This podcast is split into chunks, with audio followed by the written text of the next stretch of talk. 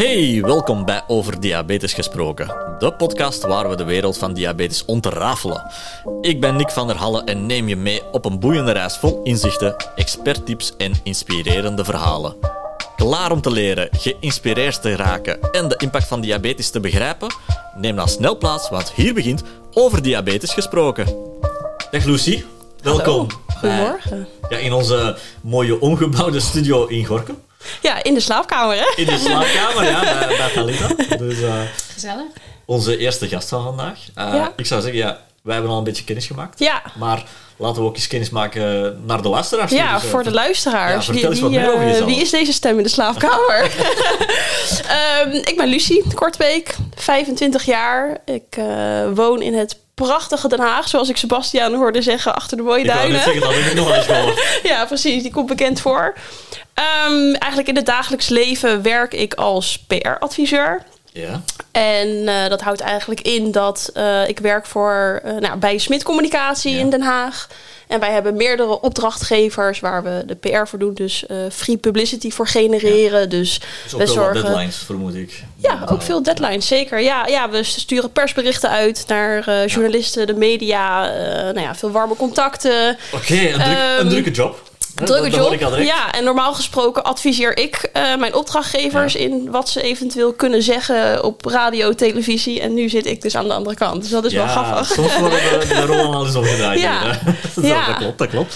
Zeg maar, je hebt dan een hele ja, drukke job toch wel? Ja. Ehm, jij gebruikt, ik dacht, de, de, op, welke materialen gebruik jij zelf? Ik heb de Freestyle Libre 2, de Ja. sensor, en de Omnipod Dash. De Omnipod Dash. Ja, en echt sinds kort. Ik ben pas Ja. een maand onderweg met de pomp. En wat had je ervoor dan?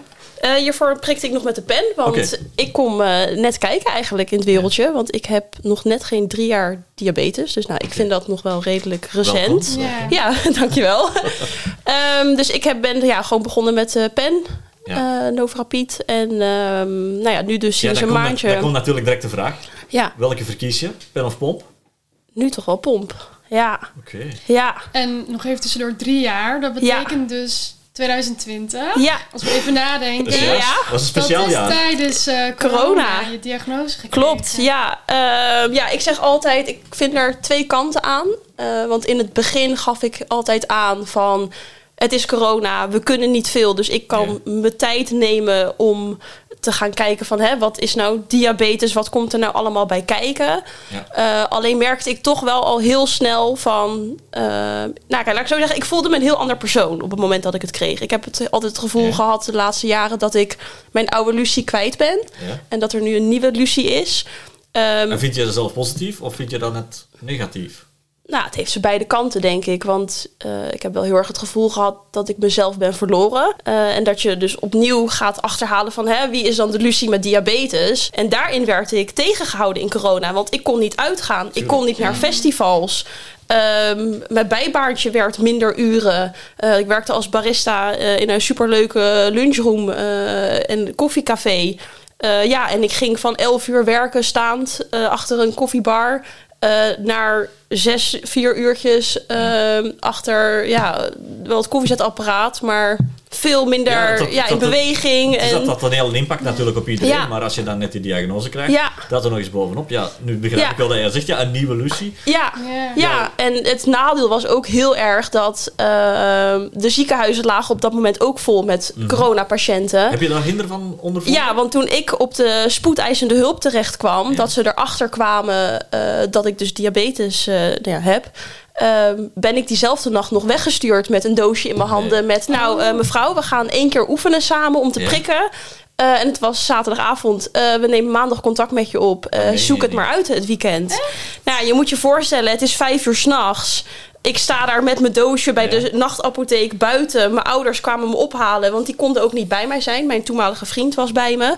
Eh, want ja, je mochten niet meer mensen komen. Die kwamen mij ophalen, die stonden mij ook aan te kijken van wat is er gebeurd. En ik zelf had ook zoiets van, wat is diabetes? Wat, wat Ja, is er gebeurd? Ik had het idee van ik ga naar huis en het is morgen weg. Ja. Dus je bent eigenlijk echt alles zelf moeten gaan zoeken. Ja, Alles ja. moeten gaan opzoeken.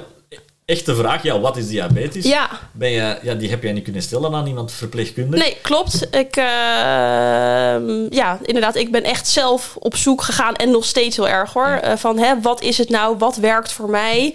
Uh, want waar ik ook heel erg tegenaan liep in het begin, uh, in het ziek, eerste ziekenhuis waar ik ben behandeld. Ze kijken heel erg naar de cijfertjes. Heel erg. Heel erg de streefwaardes. En je moet het zo doen en je moet het zo doen. Dat ik aangaf van, hè, maar ik merk met mijn lichaam ja. dat dit werkt anders. Uh, heel stom voorbeeld. Uh, bij heel veel mensen hoor je, nou, hè, pasta, pizza. Uh, let op, veel spuiten, want je gaat erg de lucht in. Nou, dat valt bij mij dus wel redelijk mee. Ja. En allemaal dat soort dingetjes werd ik gewoon niet in begeleid. In ieder geval werd ik wel in begeleid, maar er werd niet naar mij gekeken als persoon. Je hebt het een beetje zelf moeten uitzoeken. Ik heb het heel erg zelf moeten uitzoeken. Ja, ja. Nou ja, en dus inderdaad van, hè, op een gegeven moment mochten de clubs weer open. Nou, dan ga je weer voor het eerst stappen. Hey. Alsof je weer puber bent van terug 13. vanaf nul, ja. van, hè, maar wat, wat moet ik dan meenemen? En dan Ja. kom je bij zo'n deur, bij de beveiligers. Van, ja mevrouw, waarom heeft u dat blikje cola in uw tas? Dat mag niet mee naar binnen. Eh, ja, ik heb diabetes. Weet je, dan staan ze je ook aan te kijken. Ja, tegenwoordig weet ik gewoon van hè, verklaring mee, ik laat het zien en ze Ja. kunnen je niks meer. Maar ja, op dat soort momenten moet je dat helemaal zelf gaan ondervinden. Ja, dan word je ook Ja. een beetje geconfronteerd met eh, de, de onwetendheid Ja. over diabetes Ja. eh, bij andere mensen. Ja, zeker. Je zegt het nu zelf, ja, ik had mijn blikje cola bij, ik, ik, ging- ik ging uit, ja. Ja, Dat ga je standaard niet doen, hè. Dat, dat, dat zijn we Nee, eerlijk precies. Dus eh, ja, ja, begin het maar weer uit te leggen. ja, Je hebt het allemaal zelf moeten doen. ja, Dan denk ik dat je daar ook wel eens eh, hebt gezegd van jongens, nu ben ik het echt wel beu om het uit te moeten leggen. ja, tuurlijk. Ja, ik denk dat we dat allemaal wel herkennen. Of in ieder geval Ja. alle mensen met diabetes. Dat Dat we het ergens opge opgeven is het verkeerde woord. Ja, Maar, niet opgeven, maar ja, je, het, het, het is gewoon slopend soms. Ja, het, is, eh, het is natuurlijk gewoon de, de fulltime job die je naast je andere fulltime job in het leven hebt. Toch, ja. Daarom ben ik bijvoorbeeld ook 32 uur gaan werken. Door je diabetes. Door mijn diabetes, ja. want ik kreeg het in 2020 en ik was ook nog eens aan het afstuderen op dat moment. Oh. Dus nou, dat is gelukkig gewoon allemaal goed gekomen, netjes afgerond. Nou ja, toen ben ik eh, nog drie weken gaan roadtrippen. Dat je ook bij jezelf denkt, je hebt net diabetes. Waarom, ga je, waarom ga je in godsnaam Ja. drie weken roadtrippen? Vlak Eh, na je diagnose. Ja, maar ja, dat was wel voor mij zoiets van, hè, inderdaad, die transformatie van wie ben ik? Ja, ik moet ook op vakantie kunnen. Eh, Ja, dat is wel een goeie. Ja, eh, laat ik het dan maar zo snel mogelijk onder ogen komen om te kijken. Kom, we doen het gewoon Ja, en we zien wel. eh, ja, en laat me maar 20 keer op mijn bek gaan als ik maar 21 keer opsta. Ehm, dus ja, dat ben ik toen ook nog gaan doen, dus op vakantie. Ehm, ja, en zo je probeer echt je. van de spoedcursus geweest. Ja, ja, nou ja, en toen ging ik dus werken. En dan kom je dus ook bij die momenten. Ga ik bij mijn sollicitatie aangeven, heb ik diabetes of niet? Dat is ook zoiets. Ja, op dat moment had ik gewoon meteen een hele goede klik. Nou ja, ik werk er nu nog steeds. Mhm. En ik voelde me ook echt wel daar op mijn gemak om aan te geven van... nou, hè, ik wil geen 40 uur werken. Ja. Eh, omdat ik gewoon één dag echt voor mezelf nodig heb om tot rust te komen. Hè, dan kan ik mijn afspraken van de ziekenhuizen ook op die dagen plannen. Dat je niet nou ja, heel veel werk mist. Of in ieder geval je, je En uren vond, je, vond misloopt. je dat moeilijk om aan je werkgever, je nieuwe werkgever aan te, te melden? Ja, maar ik kreeg wel al meteen heel snel de reactie van... oh joh meid, eh, mijn schoonvader heeft ook type 1. Ehm, we weten ongeveer hoe het werkt. Eh, als jij een keer een rondje extra buiten moet lopen... omdat je je niet lekker voelt, neem ook die ruimte. Ja. Dus dat gaf voor mij wel meteen eh, het gevoel dat ik dacht... oké, er wordt hier wel naar gekeken. Ja. Maar goed, ik kan me zo voorstellen dat er ook mensen zijn... die dit niet ervaren bij hun ik, Ik denk werkgever. zelfs bij de meesten dat het zeker niet tijdens, eh, tijdens het eerste interview Ja. of het tweede interview, dat pas na dat ze echt aangenomen zijn, dat Ja. het pas naar boven komt. Dus Ik ik doe vind, dat ook, ja. Ja. Nou ja, Ja? het staat meestal op mijn cv ook omdat ik van alles mee gedaan heb. Ja. Maar daarvoor dan denk ik gewoon, ja, het moet niet uitmaken. Dus ik vertel het later wel. Ja. Het hoeft natuurlijk ook niet uit Nee, te maken. zeker. En dat is, Maar ik snap ook ja. heel goed dat je het wel wil vertellen, zeker. Ja, ja, dat is het dilemma inderdaad van... Hey, je hebt het nou eenmaal wel...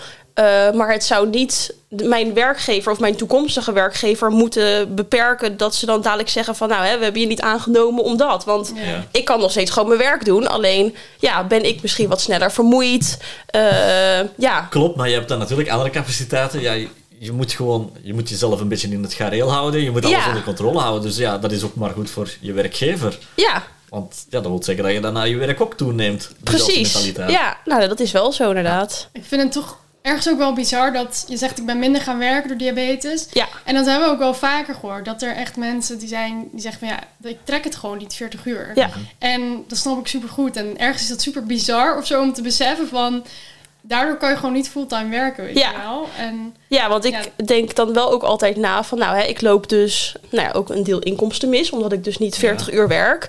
Eh, maar aan de andere kant, ik moet wel jaarlijks eh, 380 euro eigen risico betalen, want die ben ik standaard kwijt. ja. Dus dat zijn ook van die dingen dat je denkt van, ja, ik moet altijd rekening houden met dat ik altijd even maandelijks ook wat geld opzij zet. Ja. Omdat, eh, ja, ik natuurlijk Ja, gewoon mijn andere eh, kosten heb, wat erbij komt. Eh, maar ja, ik kan wel maar 32 uur werken. Kijk, als ik 40 uur werk, dan, dan kan je misschien aan het einde van het jaar zeggen van... joh, ik tik in één keer die 380 af. Ja. Ja, En, en dat is inderdaad iets waar heel weinig mensen bij stilstaan. Is, Ja. eh, dit financiële aspect dat je heel even aan, aankaart, ja, dat hoort er ook gewoon ja, bij. maar ook op vakantie. Wij hebben misschien een extra koffer nodig Ja. om eh, onze medische spullen Zeker, mee te ja. nemen. Nou, ik ga toevallig binnenkort voor een maand naar Curaçao. Ja, eh, je moet toch flinke voorraad meenemen. Ja. en dan bel je met de maatschappij van ja, eh, ik moet toch eh, De even... financiële impact is Ja, veel groter je betaalt dan- toch dat weer het- wat meer. Dat het vandaag een beetje uitschaadt. Ja, Het is niet alleen het medische, mat- ja, het medische materiaal natuurlijk, uiteraard.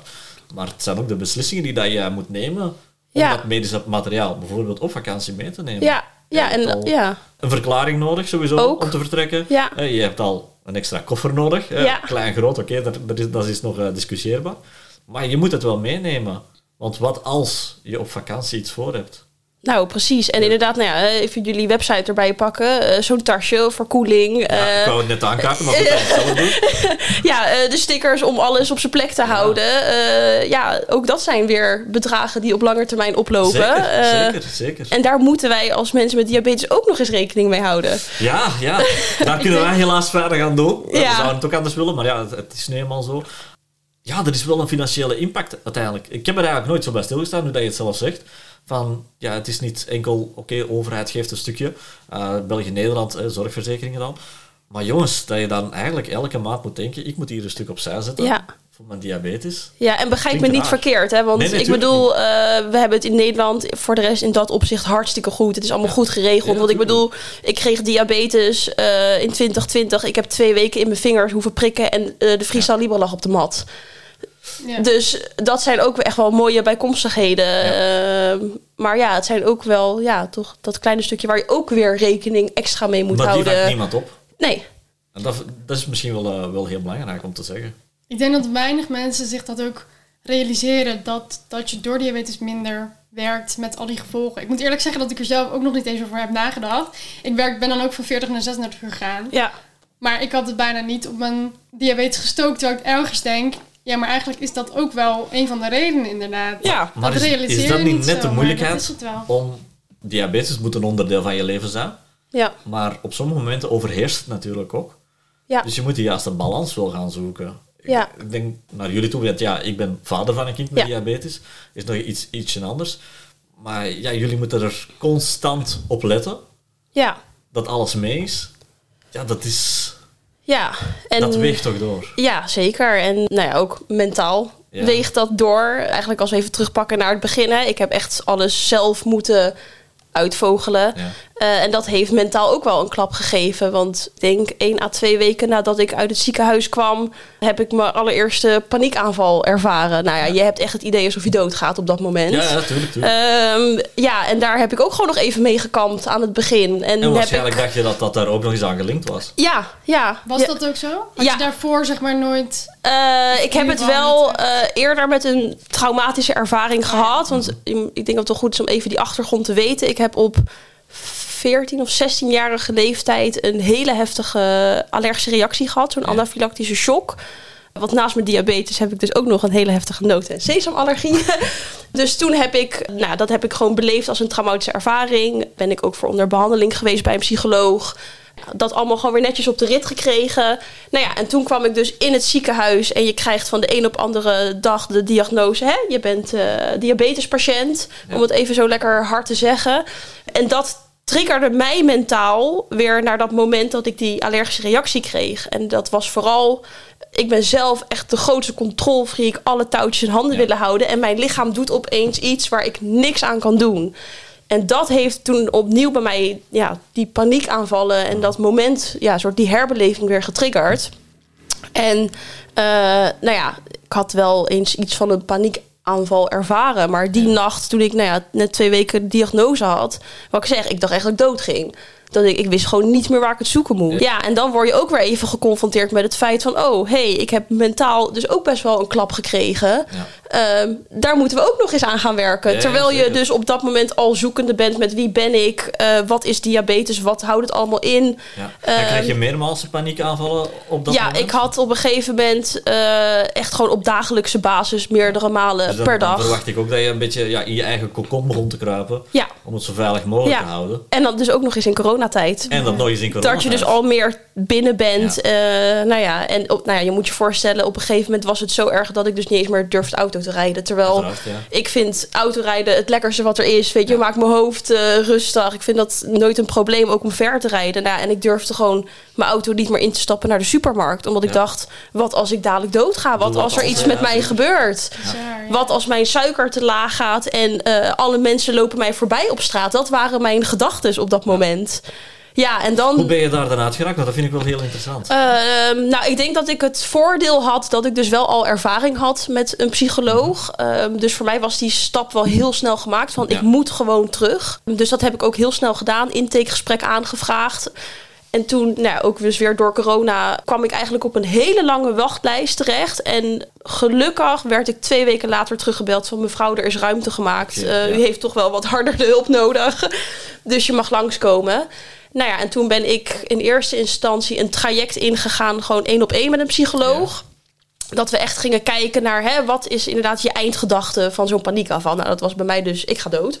Ja. Ehm, en dan ga je dus echt samen omdenken en nou ja, gaan, je gaat nadenken en kijken van... oké, maar wat is nou de daadwerkelijke gedachte? Want mijn innerlijke gevoelens, mijn lichamelijke eh, ja, reacties... dus hartkloppingen, warmte... dat triggerde bij mij heel erg paniekaanvallen. En dat kwam dus voort uit het feit van... Het, het ehm, voelen opkomen van een paniekaanval zorgde eigenlijk voor de paniekaanval. Ja, eigenlijk wel. De lichamelijke reactie Ja. van hé, ik krijg opeens hartkloppingen. Waarschijnlijk omdat er dus gedachten op dat moment waren. Ja. Dacht ik van oh, mijn lichaam is nu iets aan het doen. Ik heb er zelf weer geen, eh, geen, geen vastigheid op. Dus er gaat weer wat mis. Dus ik ga dood zo. En dan Ja. paniekaanval. Dat Ja, was zeg maar de, het stapsgewijs hoe dat ging. Nou ja, en dan ga je dat eigenlijk soort van bijna ontleden met zo'n psycholoog. Ja. Ehm, nou ja, en zo hebben we weer mijn hersentjes, eh, weer de juiste lijntjes en Ja. met elkaar weer in contact kunnen is brengen. eh, heel goed dat je die stappen hebt gezet. Ja, Want anders, ja, je zit daar in een vicieuze cirkel die dat Ja. je, we moeten dat ook eerlijk zeggen, niet zelf kan oplossen. nee, klopt. Eh, Nee. Mensen onderschatten dat ook wel eens. Ja, je hebt daar echt hulp bij nodig. En, en Ja. dat is wel tof om te horen dat je dat toch snel hebt, hebt aangenomen. Ja. Hoe lang, hoeveel tijd is daar dan nog tussen gaan tot als je echt zegt van oké, die paniekaanvallen, ik heb het de plaats kunnen geven, we kunnen verder. Nou, ik ben totaal wel een jaar onder behandeling geweest. Ja. En dat was dus de eerste gedeelte, laten we zeggen van mij acht tot tien weken, dus die één op één sessie. Mhm. Vervolgens ben ik eh, groepstherapie gaan doen met eh, mensen van diverse leeftijden, afkomsten, achtergronden eh, en ook verschillende chronische ziektes. Ja. Dus ik zat met een jongen van mijn leeftijd met ALS, de Ja. spierziekte. Nou, mensen met kanker, noem maar op. heel intens gaan, gaan werken erop. Ja, zeker. Ja, en eh, tot slot, om het af te sluiten, kreeg ik ook nog EMDR. Ja. Ehm, Wat is dat, dat is eh, dat je eh, het moment van de trauma moet je gaan inbeelden. Ja. En daar moet je dan heel sterk bij over na gaan denken. En dan moet je dat een cijfer geven van hè, hoe, hoe angstig Ja. voel ik me. Nou ja, en dan gaan ze dus met twee vingers voor je ogen een minuut lang heen en weer bewegen. En dat zorgt er eigenlijk voor dat jouw hersenen zo hard moeten werken. Dat op een een of andere manier die gedachten in een boekenkastje worden gezet. Ja. En het niet meer als trauma ervaren. En dan op een gegeven moment, na zoveel sessies, voel je die angst, wat je dus eerst een 10 gaf, voel je dan op een gegeven moment zakken naar 1. Ja. Het is, het is een heel bijzonder iets. Ik weet nog wel de allereerste keer dat ze mij dit uitlegde, dat ik die vrouw bijna uitlachte. Dat ik zei: Wat ga jij met twee vingers voor mijn ogen ervoor zorgen dat mijn trauma weggaat? Maar het werkt. Ik het werkt echt. geholpen. als- het heeft Als je geholpen. de juiste tools krijgt, ja, dan, dan Ja. kan je daarmee verder Ja, werken. dus ja, dat heeft uiteindelijk een jaar geduurd. En ehm, daardoor heb ik er mee kunnen leren leven. En Mhm. ik heb het een plek kunnen geven. En ik heb trucjes geleerd. Ik weet Ja. bijvoorbeeld dat vermoeidheid... eh, of eigenlijk oververmoeidheid bij mij nog steeds een trigger is. Dat is een- dat ik, ja, signaal, ja, dat ik nog steeds een paniekaanval kan krijgen. Want dan ben je gewoon moe. Je kan minder goed realistisch nadenken. Waardoor je dus ja, snel in de oude gewoonte valt eigenlijk. Dus ik heb het nog steeds, maar niet meer op je dagelijkse basis. Je, je merkt het op en dan, Ja. ga je actie waarschijnlijk ondernemen. Ja, en het, en het eindigt ook niet meer in de heftige paniekaanval. Dan is het, er gebeurt iets en dan denk ik, oh, ik voel wat. En dan even, oh ja, Even een stapje achteruit. even, ja, weer even een soort helikopterview. Wat gebeurt er nou? Oké, ik weet hiermee om te gaan. Komt goed. Nou, Ja, dat- ademhalingsoefening. maar dat is ook de balans die je moet zoeken. Je moet eigenlijk voor jezelf zorgen. ja, Sowieso met diabetes. Maar veel mensen vergeten dat. Maar bij diabetes wordt je er dubbel op, op uitgedrukt. Van ja, er leeft hier meer dan alleen maar eh, werk, werk, werk, zal ik maar zeggen. Ambities. Ja, je, je moet af en toe ook stilstaan. Ja. Ik denk dat heel veel mensen dat ook vergeten. Sowieso mensen zonder diabetes vergeten dat sowieso. Ja. Ah, maar met diabetes moet je daar wel rekening mee houden. ja, je moet echt wel de, de rustmomenten voor jezelf inbouwen. Nou ja, en dat is zo'n vrijdag, zo'n vrije dag voor Ik mij net bijvoorbeeld. zeggen, en ik denk dat dat net het, ja, de, het resultaat is dat heel veel mensen met diabetes minder uren werken om die balans te kunnen Ja. zoeken. Ja. ja, Ik ben ook nog wel even benieuwd, want je zei eh, triggers voor zo'n paniekaanval zijn onder andere hartkloppingen, eh, dat soort dingen. Ik moest een beetje denken aan de symptomen van een hypo ook. ja. Is dat ook nog een verband, eh, dat bij een hypo dat je datzelfde gevoel herkent? Of Nou, er ik, wel los van? Ja, het is wel herkenbaar als je inderdaad, je hebt dezelfde, eh, je, je voelt dezelfde lichamelijke reacties. Eh, maar zeker in het begin, als ik in een hypo zat, dat je bijna aan jezelf begint te twijfelen van, heb ik nou een hypo Ja. of heb ik nou een Ja. paniekaanval? Ja, precies, ja. Dat heb ik in het begin inderdaad wel, wel heel erg gehad. Ik kan het nu wel echt wel goed los van elkaar zien, maar zeker in het begin. Want inderdaad, ja, je komt net kijken. eh, hoe voelt überhaupt een hypo? Ik weet nog wel de eerste keer dat ik het had, dat ik inderdaad dacht van... er gebeurt iets met mijn lichaam. Wat is dit? Ik krijg het, ik krijg het heel warm. Ja. Wat gebeurt hier? Ehm, ja, en dan denk je inderdaad wel van... oh ja, komt dat omdat er echt wat, nu echt wat speelt in mijn lichaam? Dat mijn, mijn suiker te laag zit? Of is het inderdaad omdat ik weer een gedachte onbewust had... of misschien zelfs bewust... Waardoor ik straks ja, eh, niet meer weet waar ik het zoeken moet door de paniekaanval. Ja, zeker. Ik kan me voorstellen, ja. Ja. Als het toch hetzelfde gevoel een Ja, beetje is. ja, ja. maar goed, ook dat heb ik uiteindelijk geleerd om dat nou ja, echt wel los van elkaar te zien. Ja. En hoe was eh, verder de behandeling? Want je kreeg de diagnose tijdens, eh, tijdens corona. Ehm, nou, daar had je het dus best wel lastig mee, Ja. paniekaanvallen. En je bent dan naar een psycholoog geweest. En hoe is verder de behandeling geweest vanuit het ziekenhuis? Want dat zal waarschijnlijk ook anders zijn dan dat je Ja. gewoon even rustig langs kan komen. Ja, zeker. Nee, ja, je, ehm, veel natuurlijk ook telefonische belafspraken. Eh, omdat je niet altijd natuurlijk langs kon komen eh, op locatie in het ziekenhuis. Ehm, maar wat ik voor mij in het begin ook al een beetje aankaartte... ze keken heel erg natuurlijk naar de cijfertjes... en niet naar wie ik was. Dus ik heb achteraf gezien te laat eh, een overstap gemaakt naar een nieuw ziekenhuis. Ja? Maar goed, dat is altijd achteraf. Want achteraf gezien dacht ik, had ik eerder moeten doen. Maar goed, Ja. is Dat altijd zo. Maar nee, ik heb dus wel op een gegeven moment de beslissing gemaakt van... ik moet naar een ander ziekenhuis, want ik voel me hier gewoon echt niet begrepen.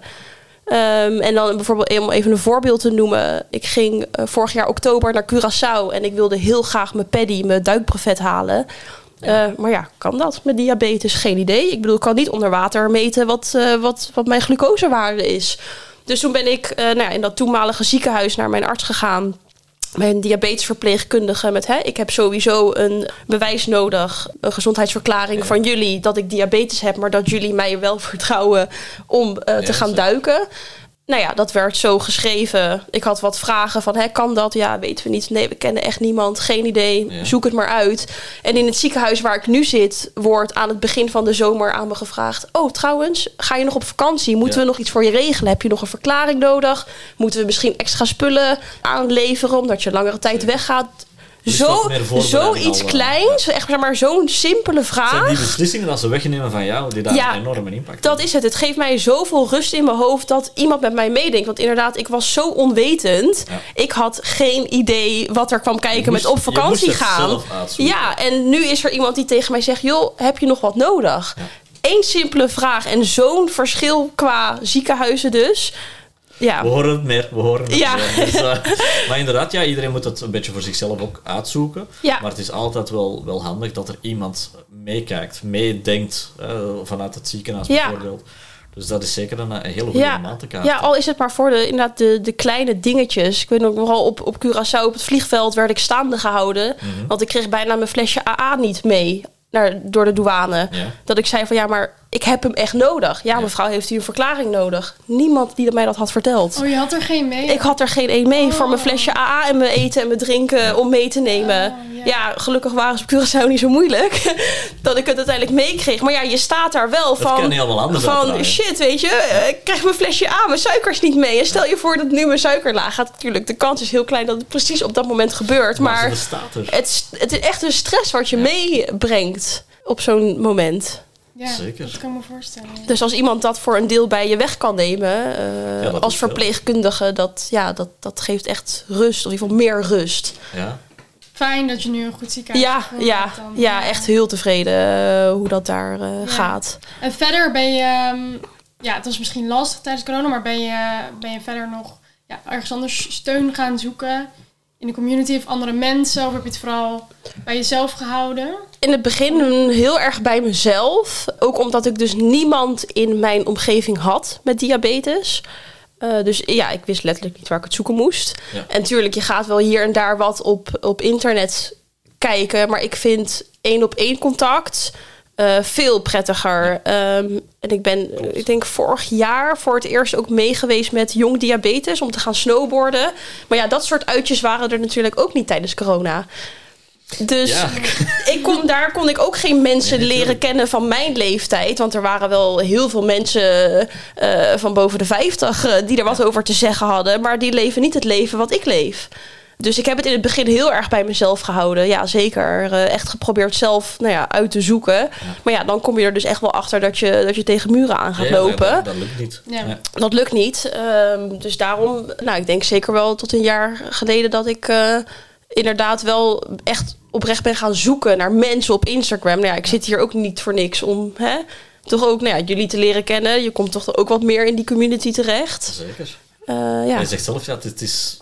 Dus twee jaar heb je eigenlijk aan het zoeken geweest. Ja. Ja, en nog steeds, ja, en nog steeds wel hoor. Dat ik Ja. soms denk van ja, eh, ik ben nu heel veel bezig met sporten vier keer in Ja. de week. Hoe moet ik dat weer? Dat is ook weer iets Ik- nieuws. Ik ga nu lopen, wat moet ik allemaal... Ja. Ja. Ja, en ook inderdaad nu met, nu met een maand met die Omnipot. Dat ik denk van, oh ja, hey, ik heb nu een functie dat ik eh, mijn tijdelijke bazaal wat lager kan zetten. Maar ja, hoeveel procent doe ik dat dan? En hoe lang doe ik dat dan? Ja, en dan zegt je arts weer van, ja, doe maar twee uur voordat je gaat sporten. En dan denk ik bij mezelf, nee, hè, ik merk nu al van, eh, het werkt veel beter om het een half uur voor het sporten te doen. Ja, dat is, Dus dat het is persoonlijk allemaal. Eh, Ja. dat, dat merken wij ook bij Ja. Cedric. Ook is, hij sport heel veel. Hij voetbalt, ja, dat is drie keer per week, vier keer per week soms. Ze zeggen meestal, ja, je hebt een sportstand, hè, dan ga je minder bazaal krijgen. Ja. dat werkt ook niet bij hem. Nee, Dus eh, wij doen dat niet. En dat is zijn oplossing. Maar Ja. we weten, bij anderen is dat wel nodig. Dus dat wordt soms... Ja, ik, ik vind, je moet dat altijd persoonlijk Ja, want ik heb ook wel eens verhalen gehoord van mensen die aan krachtsport doen. Daar gaat juist de eh, bloedsuiker opeens omhoog. Klopt, ja, dat ervaar ik ook. Ja, dat heb jij bijvoorbeeld. Ja, ik heb dat dus totaal niet. Dus dat Oh, is ja, zo ja. verschillend. Ja. Ja, en het jammer is dat het je hele leven nog blijft veranderen. Ja. Dat is ook wel vervelend. Ja, Ik kan zeggen, het nu ja. goed weten, maar dan is het over een paar jaar weer anders. Ja, maar je merkt het soms in een week. Als ik vier Ja. keer sport, de ene dag zet ik hem op 80% minder, die bazaal. En dan gaat het goed. En de dag erna doe ik het weer. En dan zit ik alsnog te laag in mijn suiker. Ik denk, maar ik begon op hetzelfde waarde. En Ja. bijna hetzelfde gegeten qua koolhydraten. Wat gebeurt Maar het hier? geeft weer aan hoe, hoe- dat je toch ja, op je eigen lichaam moet kunnen vertrouwen. Ja. Hoe dat je dat zelf moet kennen. Dat is Ja. wel belangrijk, Ja. denk ik. Ja, zeker. Ja. Goed. Dames, ik heb eh, een beetje slecht nieuws voor jullie. We gaan het hierbij moeten afronden. Einde is in zicht. Het einde is zelfs al lang overzicht. Eh, maar eh, nee, Lucie, zeker bedankt voor je verhaal. Het was, eh, je hebt me soms stilgekregen, dus eh, positief. Oh, dat is goed. Het was heel interessant. Ik denk dat heel veel mensen hier iets aan hebben. Ik hoop het. Ja. En ja, ik sta ook echt open om mensen te leren kennen. En eh, nou ja, echt soort van inderdaad je, je buddies te vinden. Ja, en zeker. elkaar te helpen. Want ik, ik weet zeker, ik weet ook nog steeds heel veel dingen niet waar ik nog tegenaan loop. En eh, ja, Nee. ik hoop dat mensen hier ook misschien Je bent, herkenning je in bent hebben. nooit uitgeleerd. Nee, dat is het. Dus eh, nee, zeker. Kom in contact zeker met Lucie. Ja. Eh, heel belangrijk. Maar eh, bij deze gaan we afscheid moeten nemen van onze luisteraars. Ja, Dus eh, tot de volgende keer. ja tot de Dankjewel. volgende keer.